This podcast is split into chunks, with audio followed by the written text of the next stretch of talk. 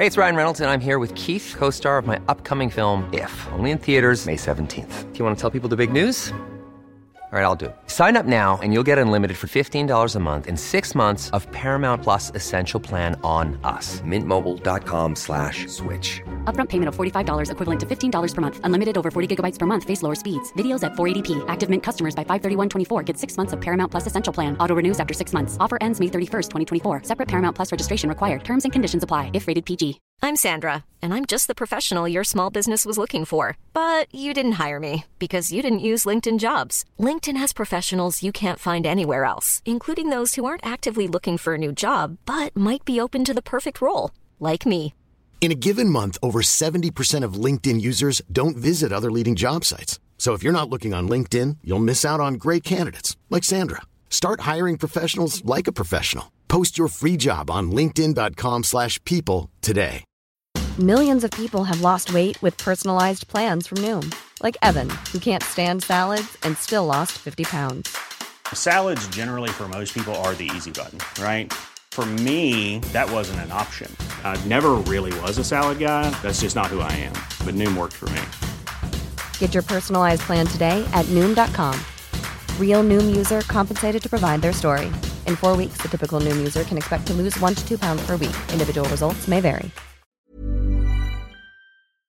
Helt siden de første menneskene slo seg ned i Trøndelag, har det blitt observert underlige lys over Hessdalen. Fenomenet har blitt forsøkt bortforklart som syner sett av bygdetullinger og deliriske hallusinasjoner forårsaket av den lokale drikkekulturen. Men det skulle vise seg at fenomenet stakk langt dypere, når Hessdalen-fenomenet fikk verdensomspennende oppmerksomhet i ufo-miljøet på 1980-tallet. Fenomenet er fremdeles der, og det er fremdeles like uforklarlig som den gang. I 2024 kommer en podkastserie i seks deler, produsert av Project Hessdalen, som kanskje en gang for alle skal finne svar på hva som rører seg på himmelen i denne bortgjemte dalen i Trøndelag. Serien har som seg hør og bør fått tittelen A Blaze in the Northern Sky, og den kommer til din favorittpodkastavspiller i 2024.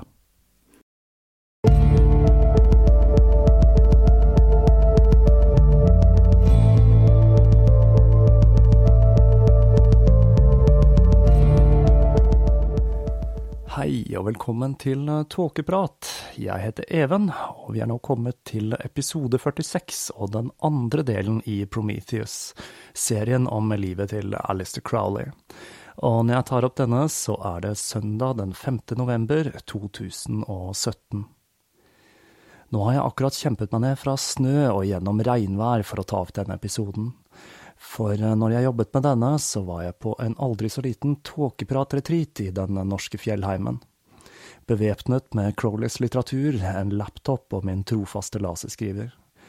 Og dette var virkelig en passende setting til å jobbe med materialet til denne episoden, for nå skal jeg blant annet ta for meg den andre delen av hans karriere som fjellklatrer. Jo dypere jeg kommer inn i denne fortellingen, jo mer kompleks blir den, og arbeidet med disse episodene får meg igjen til å reflektere over livet til denne mannen, det vanvittige dramaet og hvor mange fasetter det hadde. Jeg merker at arbeidet med denne historien krever mer enn bare historiefortelling, men også en forståelse og innsikt i ikke bare Crowley, men tiden han levde i og miljøene han beveget seg i. Livet til Crowley og personene rundt han var så til de grader preget av skandaler og intriger at om dette hadde vært manuset til en film, så hadde det hele fremstått som for utrolig til å være plausibelt. Og da starter vi for vår fortelling i Paris, hvor Crowley var på besøk for å se en ny teaterforestilling satt opp av herre og fru Mathers.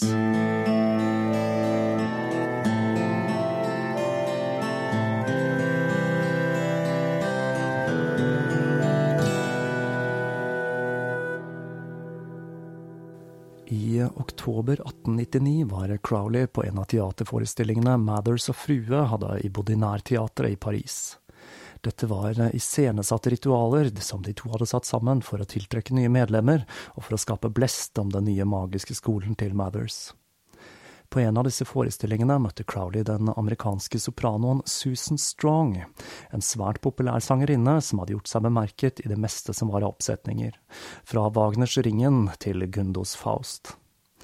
Denne kvinnen, som skulle ha hatt en massiv tilstedeværelse på scenen, tok Alistair Crowley med storm, og de to forlovet seg. Det eneste som sto i veien, det var Susans ektemann i Texas. Men det ble da aldri noe av dette giftermålet, og i juni 1900 så bestemte Crowley seg for å takke ja til en invitasjon fra Eckenstein til å dra til Mexico for å klatre, og han reiste til USA med SS Pennsylvania. Crowley han var ikke spesielt glad i USA, og han var forberedt eh, på å ikke like seg der. Og når han gikk i land i New York, så kom han midt i den verste hetebølgen som noensinne var registrert i Nord-Amerika. Bare i Manhattan alene hadde mer enn 400 mennesker dødd av heten. Etter bare noen få dager i denne heten, så dro han videre til Mexico, hvor han leide en del av et hus og ansatte en stuepike. Han dro på sightseeing før et utbrudd av malaria gjorde at han var nødt til å hvile. Crowley han var eh, svært produktiv i denne perioden, og i tillegg til å skrive, så begynte han igjen å eksperimentere med magi. Både Golden Dawn sine systemer og John Dees enokianske magi. Denne elisabethanske magikeren, som da ved hjelp av sin tvilsomme hjelper Edward Kelly skrev ned sine visjoner av de hinsidige og utviklet det såkalte englespråket, eller enokiansk, som da har blitt flittig brukt av magikere i ettertid. En artig ting han forsøkte på, var å gjøre seg selv usynlig. Noe han triumferende kunne si han hadde klart etter å ha gått gjennom Mexico City iført en rød kappe og gullkrone uten å ha blitt lagt merke til. Det kan vel tenkes her at meksikanerne valgte å overse denne eksentriske britiske herren med krone. I denne perioden så møtte han en frimurer, Jesus de Medina Sidonia, som ble så imponert over Crowleys kunnskap at han ga Crowley den 33. graden i det skotske ritus. Sammen så startet de en ny magisk orden, Lampen med det usynlige lys. Men like etter opprettelsen av denne ordenen så mistet Crowley interessen, og han brøt kontakten med Medina. Eckenstein møtte Crowley i Mexico i desember, og han mobbet han for å ha kastet bort tiden på det okkulte og poesi, når han heller kunne ha brukt tiden på å klatre. Crowley fortalte at han hadde problemer med å finne tilfredsstillelse i de dramatiske ritualene, hvorpå Eckenstein sa at problemet var at Crowley han var for ufokusert, og hadde problemer med å konsentrere seg. Med dette så begynte han å trene Crowley i visualiseringsteknikker, noe Crowley skulle vise seg å være svært dyktig til. Etter først å ha lært seg å visualisere enkle geometriske figurer, lærte han etter hvert å visualisere detaljerte palasser med sitt indre øye. De to fjellklatrerne taklet en rekke topper i Mexico. Mange av de var uutforskede og med høyder opp mot 5500 meter.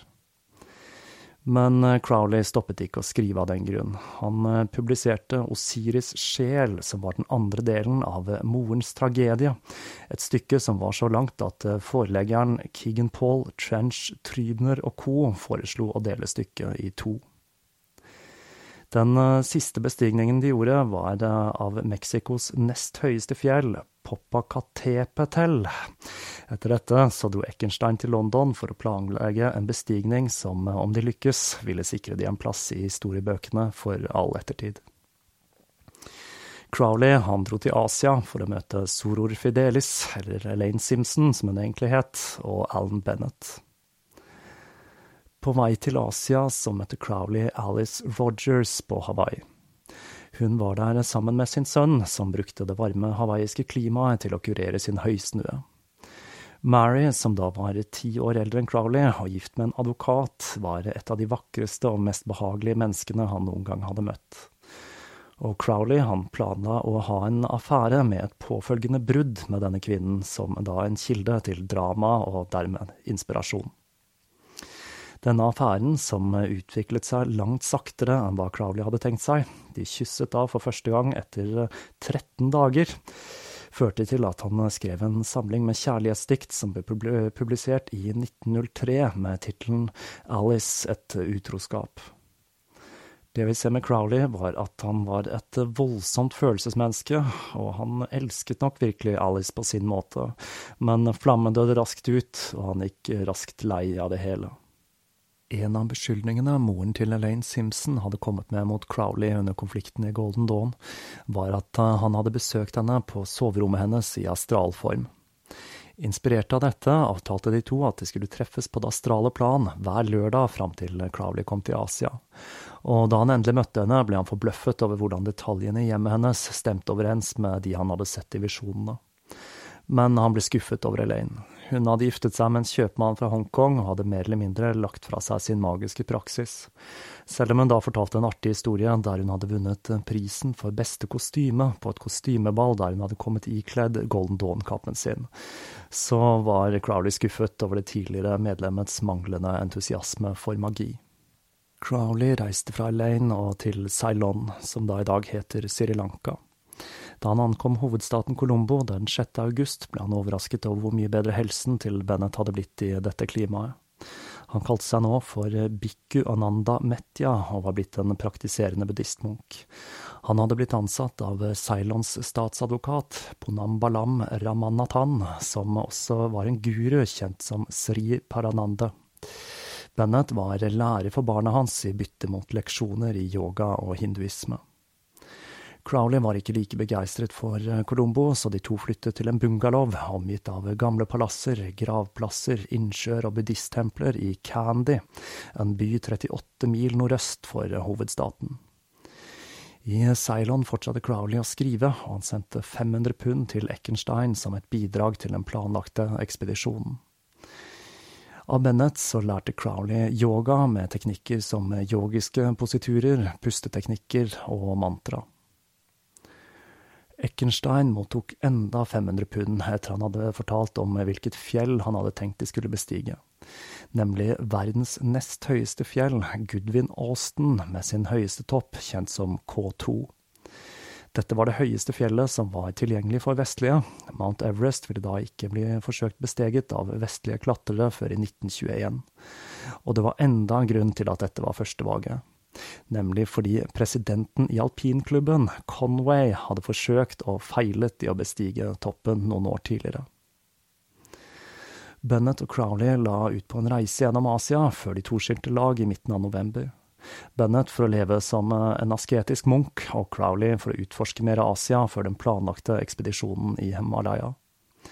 Etter den rundturen så dro han igjen innom Bennett, og de to diskuterte hvordan man skulle spre den buddhistiske læren i Vesten, Alan Bennett skulle da senere være en sentral figur i spredningen av buddhisme i Vesten. Det er klare paralleller her mellom forholdet til Crowley og Bennett og den senere psykedeliske kultfiguren Timothy Leary og hans forhold til Richard Alpert, som da senere skulle ta navnet Ramdas, og som da er en svært viktig person i spredning av buddhisme i Vesten. Det er i det hele tatt en rekke paralleller mellom Crowley og Leary, både i personligheten og i stedene de besøkte i løpet av livet. Begge hadde så fargerike personligheter at de i ettertiden er blitt forsøkt skrevet ut av historien, til tross for den betydningen de hadde i samtiden. Den 23. mars sporet Crowley et tog på vei til Ravalpindi. Der møtte han på resten av klatrefølget sitt, som i tillegg til Eckenstein besto av fire andre menn. Victor Wesley, Jules Jacot Gillarmod, Heinrich Fanel og Guy Nolks alle erfarne klatrere med ulike bakgrunner. K2 ruver over Karakoram-fjellkjeden i Nord-India med sine 8611 meter. Med sine islagte, stupbratte sider ble K2 regnet som ubestigelig. Ekspedisjonen til Conway hadde i 1892 besteget noen av de mindre toppene rundt, men altså ikke den høyeste toppen. Og Crowley og Eckenstein ville vise snobbene i alpinklubben hva de var laget av. Den 29. mars begynte følget på ferden mot fjelltoppen. I motsetning til de andre klatreturene til Crowley, hvor han ofte klatret solo, så var dette et enormt følge med en gigantisk oppakning. De la på vei med tre tonn bagasje, 150 bærere og 17 vogner.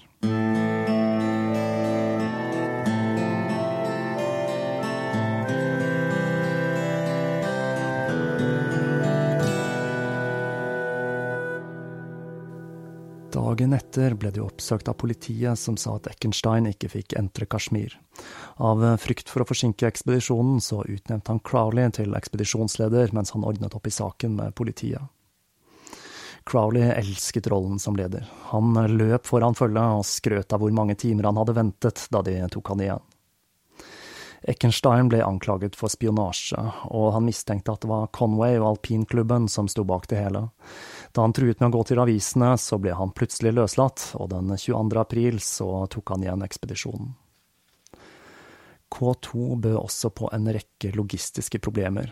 Den nærmeste landsbyen lå ti dagers marsj fra foten av fjellet, noe som gjorde at de trengte proviant for 20 dager ekstra.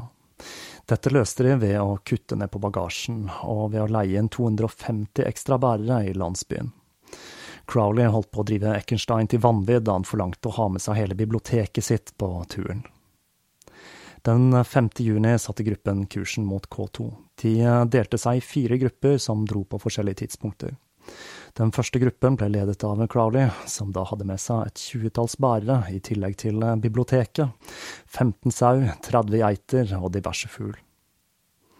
På vei til fjellet så oppsto det en del trøbbel med bærerne, noe som skulle være et problem også for fremtidige ekspedisjoner til Himalaya, og på Crowleys neste store ekspedisjon skulle dette spille en svært sentral rolle. Den 16. juni så Crowley for første gang den majestetiske Baltoro i breen, som skar seg ut av landskapet og strakte seg mot himmelen. Crowley slo leir i et område som senere skulle bli sendt som Abrussikammen, og han hadde flaks, for dette er den beste og kanskje den eneste veien opp K2. Fra leiren klatret han til 5484 meter, hvor han etter å ha sendt bærerne hjem, satte opp leir 10, som da skulle være hovedleiren. Den 19. juni nådde Fandel og Wesley leiren, og en uke senere kom Eckenstein med forsyninger. Eckenstein og Knowles ble syke, Knowles med høydesyke, og Crowley han ble rammet av snøblindhet. Så Wesley og Fanel de dro i forveien for å sette opp leir 11 på 6100 meter. De fant raskt ut at kroppsvarmen deres smeltet snøen under teltet, og Crowley han fikk tiden til å gå ved å lage papirbåter han seilte i dammen i teltet hans. Crowley fortsatte til leir 11 den 8. juli. I løpet av de neste dagene ble leir 10 og 11 utsatt for en rekke snøskred, før Eckenstein og Knowles fulgte etter de andre til leir 11. Mens Fanel og Wesley de etablerte leir 12 på 6400 meter. Innen juli begynte ekspedisjonen å bli preget av det dårlige været og nedsatt helsetilstand. Vann kokte på 90 grader celsius, noe som gjorde matlaging svært utfordrende og koke sauekjøtt, det tok en hel dag. Knowles og Guillermod hadde begge influensa, og Crowley sin malaria hadde igjen brutt ut, og han hadde en feber på 39,5 grad, noe som gjorde han delirisk, og i febertåka så trakk han en pistol og siktet på Knowles, som avvæpnet ham med et raskt slag i magen. I leir 12 var Fanel blitt syk. Han hadde fått ødem, eller væskeansamling, i begge lungene, noe som var forholdsvis vanlig i fjellklatremiljøet. Han ble tatt med ned til leir 11, hvor han bablet usammenhengende i morfintåke, og den 21. juli tok Wesley med seg Fan til landsbyen. Det skulle gå fem dager før følget oppdaget at han hadde tatt med seg mesteparten av nødrasjonene til ekspedisjonen. Og på toppen av det hele så fikk de beskjed om at det var et kolerautbrudd i området. Med alle syke, et forferdelig vær, det var da kun åtte av de 68 dagene de var der hvor det var opphold, og synkende moral, så innså de at de aldri ville klare å nå toppen, og de begynte nedstigningen fra leir 11 den 4. august. Knowles og Eckenstein de forlot regionen så raskt de kunne av frykt for kolera, mens Crowley og Gillarmod ikke lot seg skremme og dro i et mer bedagelig tempo. 132 dager etter den var begynt, var verdens første forsøk på å bestige K2 over. Denne bragden blir ofte oversett av historikere, mye på grunn av den eksentriske Eckensteins bitre forhold til alpinklubben. Conway han ble da senere adlet, mens Eckenstein han døde relativt ukjent i 1921. Og sammen med Crowleys fargerike personlighet har dette ført til at ekspedisjonen ofte blir utelatt i historiebøkene. De oppnådde flere ting, for selv om de ikke nådde toppen, så var dette det første forsøket på å bestige fjellet, og det var kun været som gjorde at de ikke nådde helt til topps. Guillermod og Wesley de satte en ny høyderekord da de hadde vært oppe og speidet på 7000 meter. De hadde også gjort en rekke vitenskapelige observasjoner av ting som dag- og nattemperatur, vegetasjon, dyreliv osv. Ekspedisjonen hadde vært på isbreen i 68 dager, en periode som var lenger enn hva man trodde var mulig ved slike ekstreme høyder. Alt dette ble utført av en gruppe som mange vil kalle amatører, med utstyr som etter dagens standard var svært primitivt. Etter dette så reiste Crowley via India til Kairo, hvor han da tilbrakte noen uker i byens bordeller, før han igjen dro til Paris. Der ble han skuffet over at Mathers ikke delte hans entusiasme for yoga, visualisering og historiene om eventyrene hans. Han ble klar over at de to hadde vokst fra hverandre, og han begynte å mistenke at Mathers hadde mistet kontakten med de hemmelige mesterne. I Paris flyttet Crowley inn med Gerald Kelly. Det var et medlem av Golden Dawn som aldri kom helt forbi de laveste nivåene i tempelet, da det var kunst som var hans kall. Når Crowley ankom Paris, hadde Kelly allerede etablert seg som en portrettmaler som begynte å høste en viss uh, suksess. I 1903 hadde den franske regjeringen kjøpt et av bildene hans, og i omgangskretsen hans fant vi personer som Monet, Degas, Rodin og Renoir. Crowley gikk nå inn i hva han kalte sin kyniske bohemfase.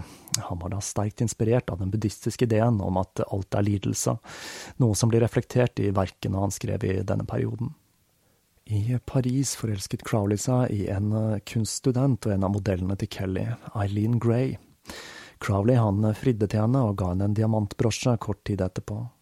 Inspirert av sin nye flamme begynte han igjen å skrive romantisk poesi, men det ble aldri noe av dette ekteskapet. Eileen Gray skulle bli en svært suksessfull designer og arkitekt, og i 2009 ble en av stolene hennes, Fauteau og Dragon, solgt på en auksjon arrangert av Yves Saint Laurent for 19,4 millioner pund. Crowley han falt for enda en kvinne i denne perioden, nemlig den nære venninnen til Eileen, Kathleen Bruce. Hun var da en student av Rodin, og denne damen holdt Crowley på en armlengdes avstand, noe som førte til at han skrev en rekke dikt tilegnet henne, og hva han da kalte deres sexløse kjærlighet, som Den svarte messen og Vampyren, hvor han minnes henne med følgende strofer. Spytt meg i ansiktet, jeg elsker deg. Knytt nevene dine og slå meg, jeg elsker deg like fullt. La dine øyne som flammende opaler eller gale ametyster forbanne meg, jeg elsker deg. La ditt sinne ta føring og dine tenner rive ut stykker av kjøtt fra kroppen min. Drep meg om du kan. Kathleen Bruce skulle senere gifte seg med den ikke helt ukjente polfareren Robert Scott. Og selv om Crowley med dette ekteskapet, som ble inngått i 1908, påsto at han alltid hadde mislikt Kathleen, så har hun en betydelig plass i mange av verkene hans. I Paris var Crowley omgitt av noen av de beste og mest anerkjente kunstnerne i samtiden, men for denne serien så er det kun et par jeg vil nevne. Han møtte da den norske landskapsmaleren Fritz Taulov i Paris, som jeg da selvsagt må nevne, da han er norsk, og Crowley møtte også Auguste Rodin. Crowley var da som sagt eh, ikke konfliktsky, og da en skulptur Rodin hadde laget av den franske forfatteren Honoré Balzac møtte skarp kritikk i offentligheten, satte Crowley alle kluter til og forsvarte den aldrende kunstneren fra de ignorante kritikerne. Han skrev en sonette som priset verket hans, og Rodin ble så imponert over denne støtten at eh, Crowley ble invitert hjem til han for å skrive poesi om verkene hans. Mange av disse ble publisert i et eh, tospråklig kunstmagasin som ble utgitt i Paris, Weekly Critical Review. Og når Crowley til slutt forlot Paris og Rodin, så fikk han ti akttegninger av mesteren, og sju av disse ble brukt til å illustrere diktene hans når disse ble publisert sju år senere.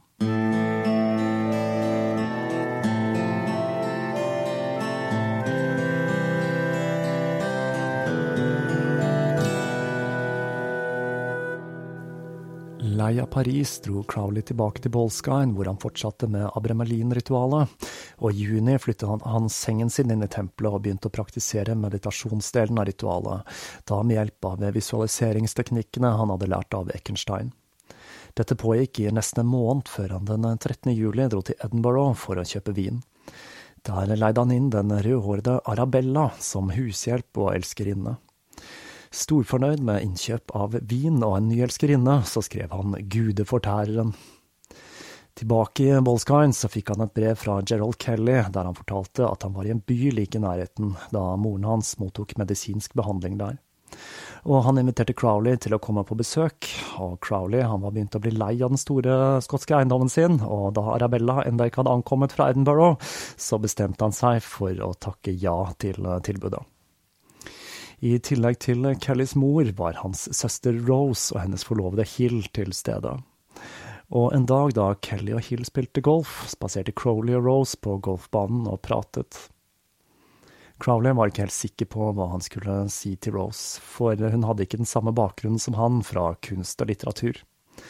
Etter litt småprat så betror Rose seg til Crowley med sin livshistorie. Når hun hadde vært 21, hadde hun giftet seg med en mann som var 20 år. There's never been a faster or easier way to start your weight loss journey than with PlushCare. PlushCare accepts most insurance plans and gives you online access to board-certified physicians who can prescribe FDA-approved weight loss medications like Wigovi and Zepbound for those who qualify. Take charge of your health and speak with a board-certified physician about a weight loss plan that's right for you. Get started today at plushcare.com slash weight loss. That's plushcare.com slash weight loss. plushcare.com slash weight loss.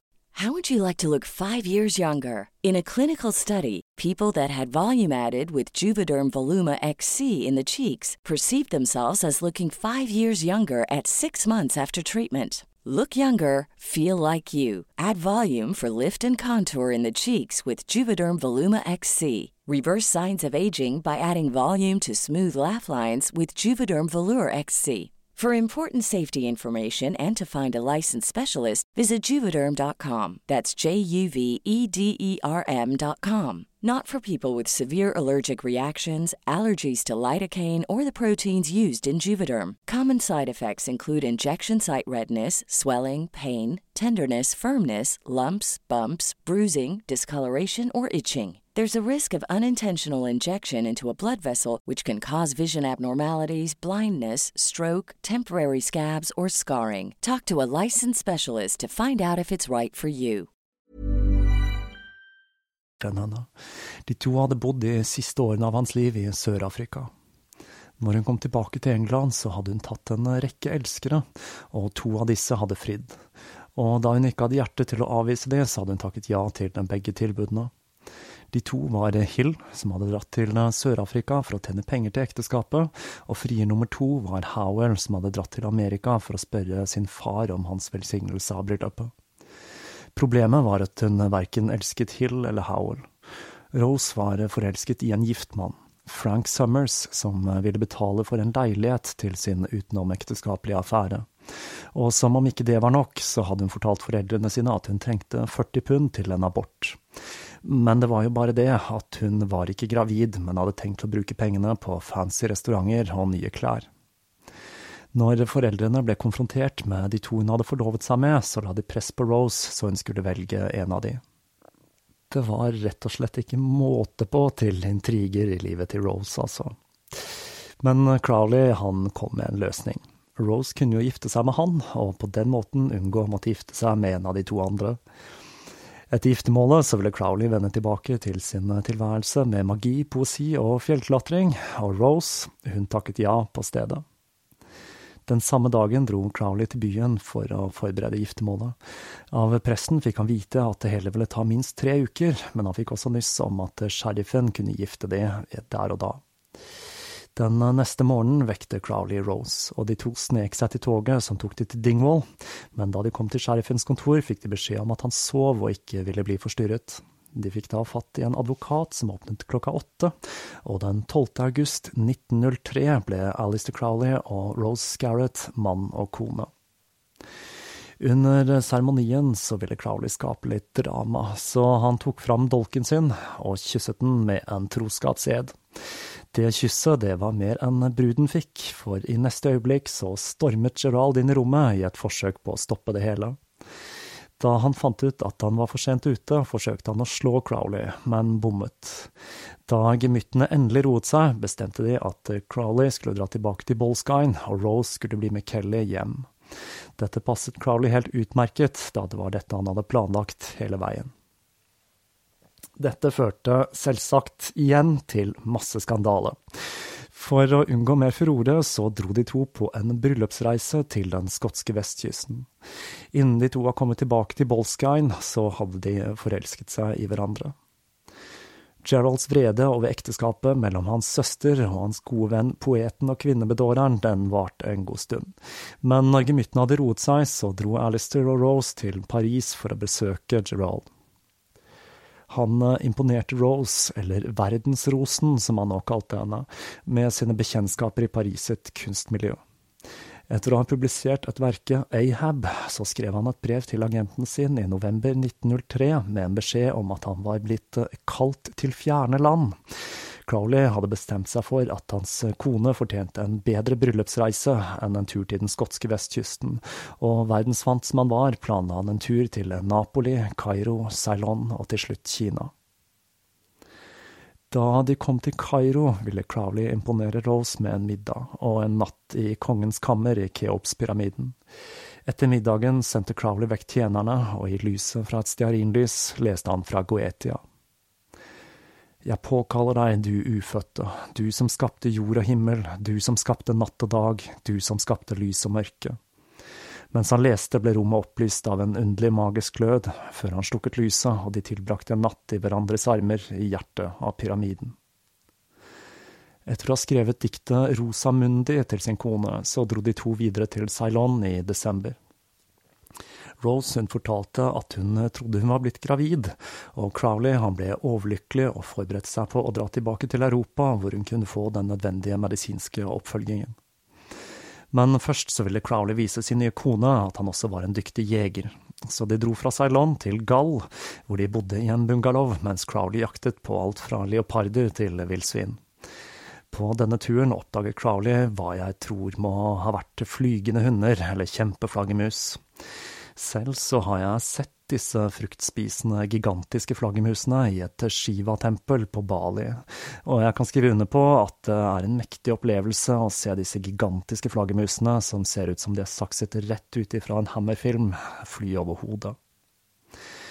Crowley derimot, han syntes det så ut som om pelsen kunne brukes til å lage en fin lue til Rose og en frakk til dem selv. Han og Rose de snek seg under flaggermuskolonien i en liten båt. Crowley fyrte løs, og det gikk en liten stund før han la merke til skriket som skar gjennom kaoset til de flyktende flaggermusene. Han så at Rose hadde fått en såret flaggermus i håret, og skrek ukontrollert mens hun forsøkte å frigjøre seg fra den sårede skapningen. Selv etter Crowley hadde fått den løs fra håret hennes, så var Rose på kanten av et nervøst sammenbrudd. Den eh, neste natten våknet Crowley av en lyd som av en skrikende flaggermus. Han stirret ut i mørket framfor seg og sa Rose, Rose, kan du høre det? Han eh, tente et stearinlys og så til eh, sin forskrekkelse at den nakne Rose klamret seg til rammen som holdt myggnettingen opp rundt sengen mens hun skrek og lagde flaggermuslyder. Hun reagerte ikke da han snakket til henne, og når han klarte å legge henne ned på sengen, reagerte hun med å klore, spytte og bite. Den neste dagen var det som om ingenting var skjedd, og hun var helt fin igjen. Etter denne opplevelsen satte paret kursen mot Kairo, hvor Crowley sjekket inn på et hotell med pseudonymene prins Kiwa Khan og prinsesse Oarda, som da er de arabiske navnene for mester Udyret og Rose. De to bestemte seg for å bli i Kairo en liten periode for å unngå den rå og fuktige skotske vinteren, og de leide en leilighet i Kairos europeiske kvarter like ved museet.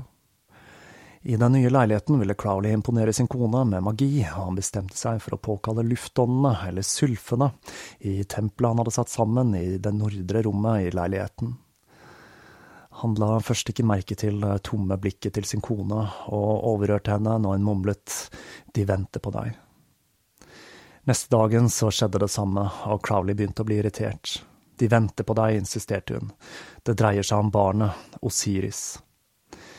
Igjen så overså Crowley Rose og regnet med at det hele var noe som hadde en sammenheng med graviditeten, Roses utstrakte bruk av alkohol eller heten.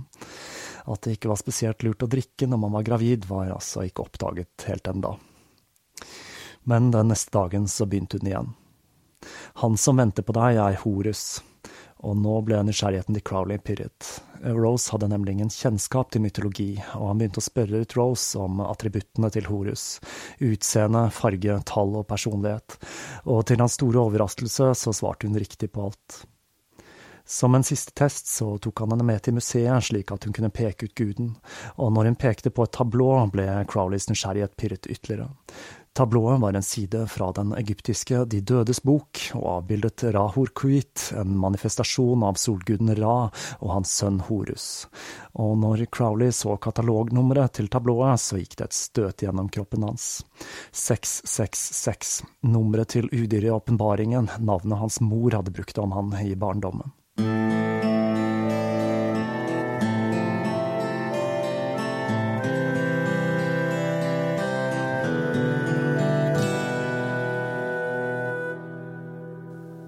Dette førte til en serie med hendelser hvor Crowley lærte at den som snakket til han ikke var Horus, men Aivas, Horus budbringer og Crowleys hellige skytsengel. Men han var svært skeptisk, og han ble enda mer skeptisk da Rose i en transe fortalte han at han fra den 8. april skulle entre tempelet presis klokken tolv og sette seg ned ved skrivebordet sitt med penn og papir. Mens Crowley satt der bak skrivebordet, kom en stemme fra over hans venstre skulder, som begynte å diktere på perfekt engelsk. Had, manifestasjonen av Nuit, åpenbarelsen av de himmelske vesener. Hver mann og hver kvinne er en stjerne, alle tall er endeløse, det er ingen forskjell. Hjelp meg, o krigsherre av Tebes, i min åpenbaring til menneskebarna. Vær Hadit, mitt hemmelige senter, mitt hjerte og min tunge. I løpet av de neste tre dagene skrev Crowley Lovens bok, som er det mest sentrale verket i hans magiske lære. Hvorvidt eh, denne versjonen av tilblivelsen av boka er den rette eller ikke, så er dette versjonen Crowley sto fast ved resten av livet. Han sa selv at boka var et diktat, og ikke hans eget verk. Selv om jeg må jo skyte inn da at eh, hans argument om at boka inneholder så mange mystiske referanser og tallmagi at den måtte være en beskjed fra det guddommelige, så er dette for meg et argument for det motsatte, og at eh, denne teksten nok ble satt sammen over en lengre periode. Bøker skrevet med automatskrift er gjerne intetsigende og rablete.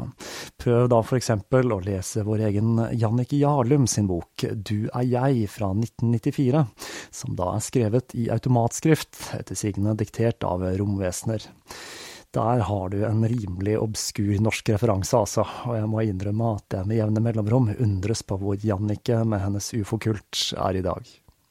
Lovens bok er et kort, men sofistikert mesterverk i tre deler, som bærer preg av Crowleys magiske lære og filosofi i tillegg til da å forutse en kommende verdensalder, såkalt den såkalte Horus tidsalder, legger boka grunnlaget for hva som senere skulle bli kjent som telemisk filosofi.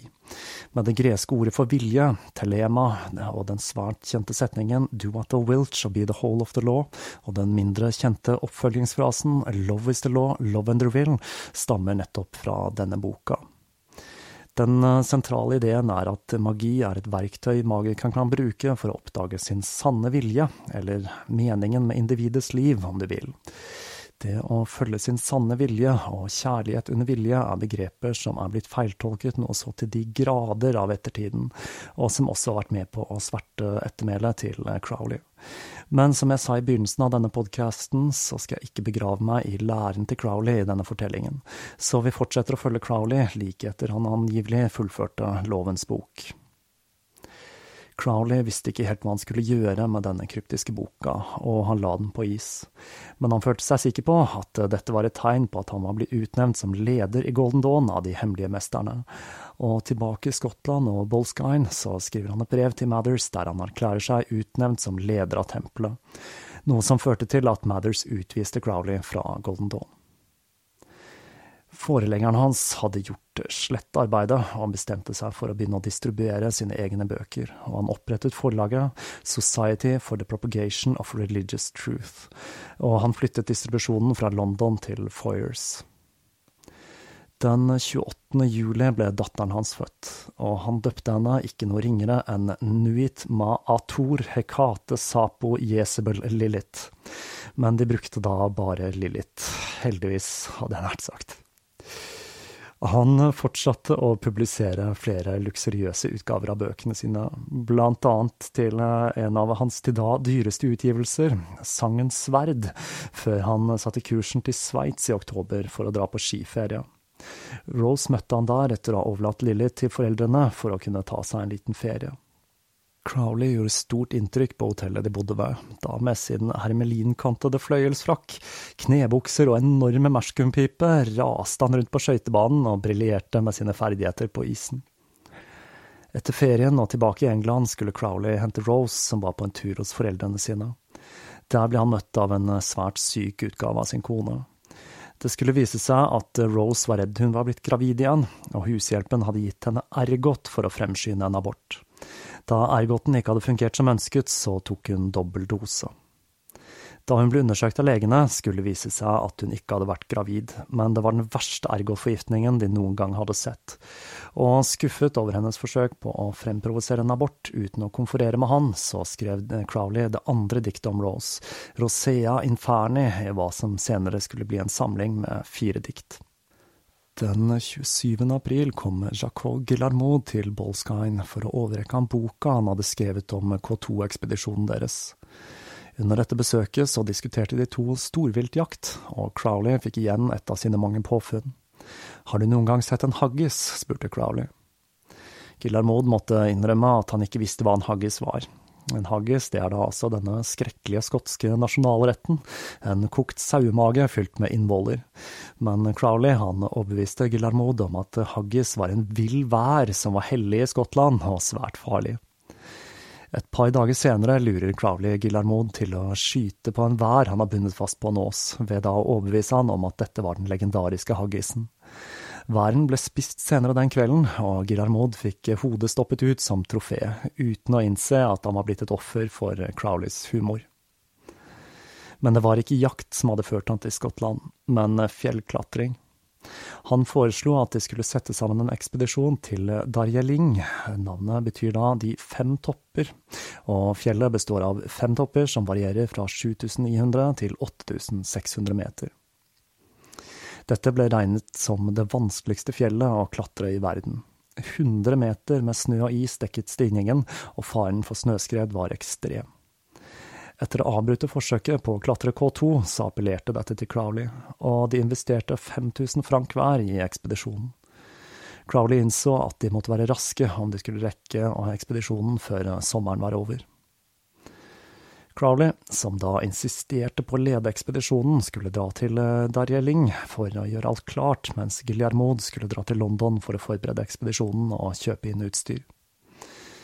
Crowley var klar over at dette var en spesielt farlig ekspedisjon, for han skrev instruksjoner om hvordan liket hans skulle balsameres om han skulle komme til å dø. Før han dro til India, så oppsøkte han Eckenstein og forsøkte å få han med på ekspedisjonen, men han nektet da han anså det hele for å være for vågalt. Dette burde kanskje Crowley ha tatt til etterretning, men han dro videre til India for å starte ekspedisjonen, leie inn bærere og kjøpe proviant. Mot eh, slutten av juli kom Giljarmod med to sveitsiske klatrere. Laget han hadde satt sammen, besto av solide og erfarne fjellklatrere. Det var Charles Adolf Raymond og Alexis Page. Begge hadde en bakgrunn fra det sveitsiske militæret, og Page hadde annet kjempet i boerkrigene mot britene. Crowley inviterte også med seg den italienske innehaveren av Hotel Drum Druid og eier av Woodlands Hotel. Dette var det beste hotellet i Darjeeling, og hadde annet blitt besøkt av Mark Twain.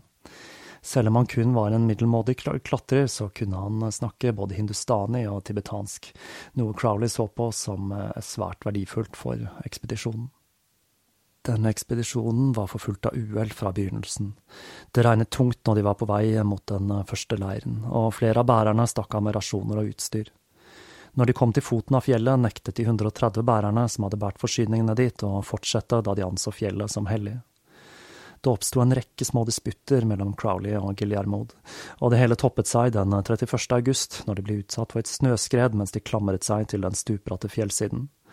Crowley kommanderte at de alle måtte holde seg i ro og holde seg fast, men en av bærerne fikk panikk, og Crowley slo han da i svime med flatsiden av isøksen sin for å hindre at han skulle bli tatt av raset.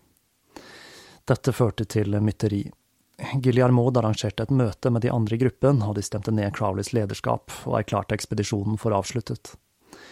Gruppen planla å ta seg ned fra leir fem til fire den samme kvelden. Crowley ba de vente til neste morgen, da nedstigningen ville være livsfarlig på kvelden, men da kun Raymond ville høre på advarselen hans, gikk Crowley tilbake inn i teltet sitt og drakk te. Det hele resulterte i katastrofe. Følget ble tatt av et snøskred, og Pasj og en gruppe med bærere ble begravet i snøen. I leir fem ble stillheten brutt av skrikene til gruppen som ble tatt av skredet. Raymond gikk for å se hva som hadde skjedd, og da han oppdaget hva som hadde hendt, så pakket han ned forsyninger og dro for å hjelpe kameratene. Crowley la seg til å sove. Neste morgen klatret han ned til leir fire, og så til leir tre, hvor han fant Giljarmod og innehaveren av Drumdruid stygt forslått. Han fant ut at Pash og tre av bærerne hadde omkommet under nedstigningen kvelden i forveien. Crowley bemerket bittert at det hele skyldtes det dårlig planlagte kuppet og den forhastede nedstigningen. Dagen etter dro han til Darjeeling, hvor han telegraferte The Pioneer og Daily Mail med sin versjon av hva som hadde skjedd på fjellet. De andre ble igjen for å grave opp de døde. Morenen hvor de døde, er fremdeles kjent som Pasjes grav.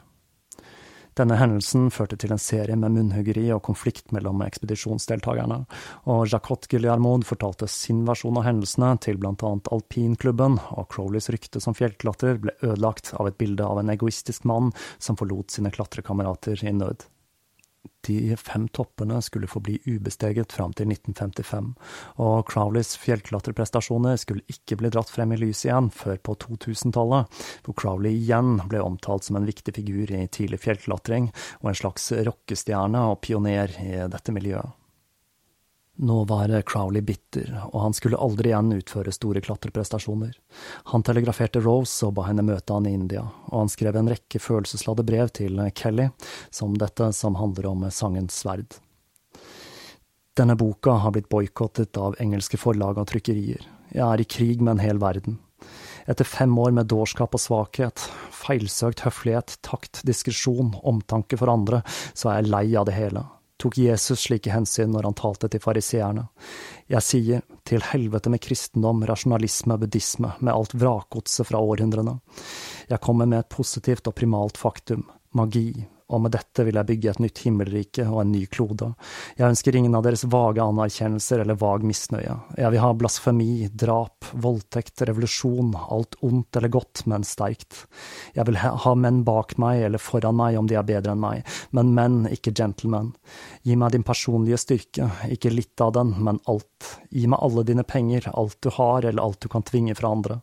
Hvis du kan gi meg syv slike menn, så har jeg verden ved mine føtter, om jeg får ti vil himmelriket falle, ved den første trompeten som kaller til strid. Det var ikke bare bare det der, altså. Det er vel denne typen uttalelser som har stemplet Crowley som satanist i ettertid. Mens han ventet på sin kone, fartet han rundt i India, hvor han da, da blant annet bodde hos sønnen Maharaja og ofret en geit til Kali. I Calcutta ble han forsøkt ranet av fire menn, og etter å ha avfyrt revolveren og skremt de av gårde, oppdaget han at han hadde såret to av mennene. For å unngå trøbbel med loven, så tok han med seg Rose og Lilith og satte kursen mot eh, Kina. En rekke mystiske hendelser og nære døden-opplevelser førte til at Crowley hevdet at han hadde oppnådd det høyeste stadiet i den andre ordenen. Rose ble gravid igjen, og Crowley sendte henne tilbake til England, mens han selv dro til Shanghai for å møte Elaine Simpson for å få henne til å hjelpe ham med å påkalle Aivas. Sammen så kontaktet de de hemmelige mesterne, og like etterpå så hadde Crowley en visjon der de viste han og inviterte han til den mystiske tredje ordenen, Argentum Astrum, eller Sølvstjernen. Med denne visjonen og en fornyet tro på at det var magi som skulle sikre han en plass i historiebøkene, dro han tilbake til England, hvor han ble møtt av en grusom nyhet som for alltid skulle endre livet hans. Lilith var død.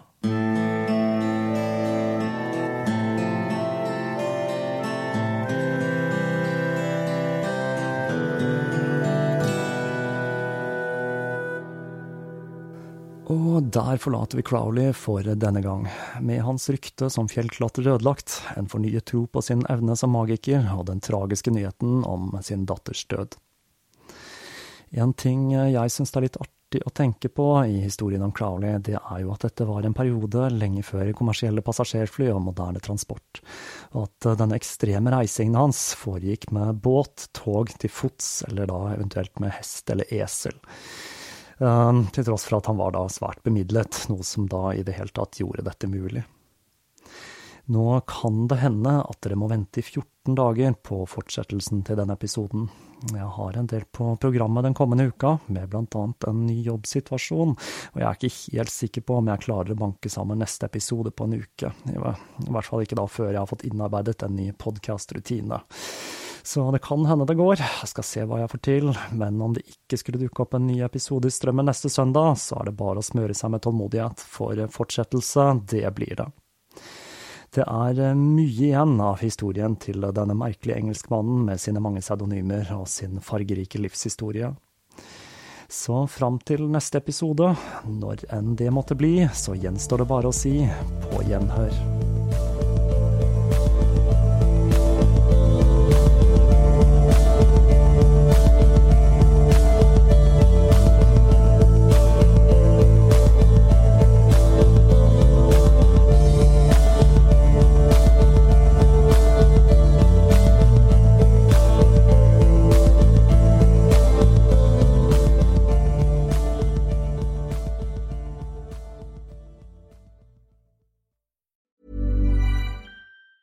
Planning for your next trip? Elevate your travel style with Quince. Quince has all the jet setting essentials you'll want for your next getaway, like European linen, premium luggage options, buttery soft Italian leather bags, and so much more. And is all priced at 50 to 80% less than similar brands. Plus, Quince only works with factories that use safe and ethical manufacturing practices. Pack your bags with high-quality essentials you'll be wearing for vacations to come with Quince. Go to quince.com slash pack for free shipping and 365-day returns.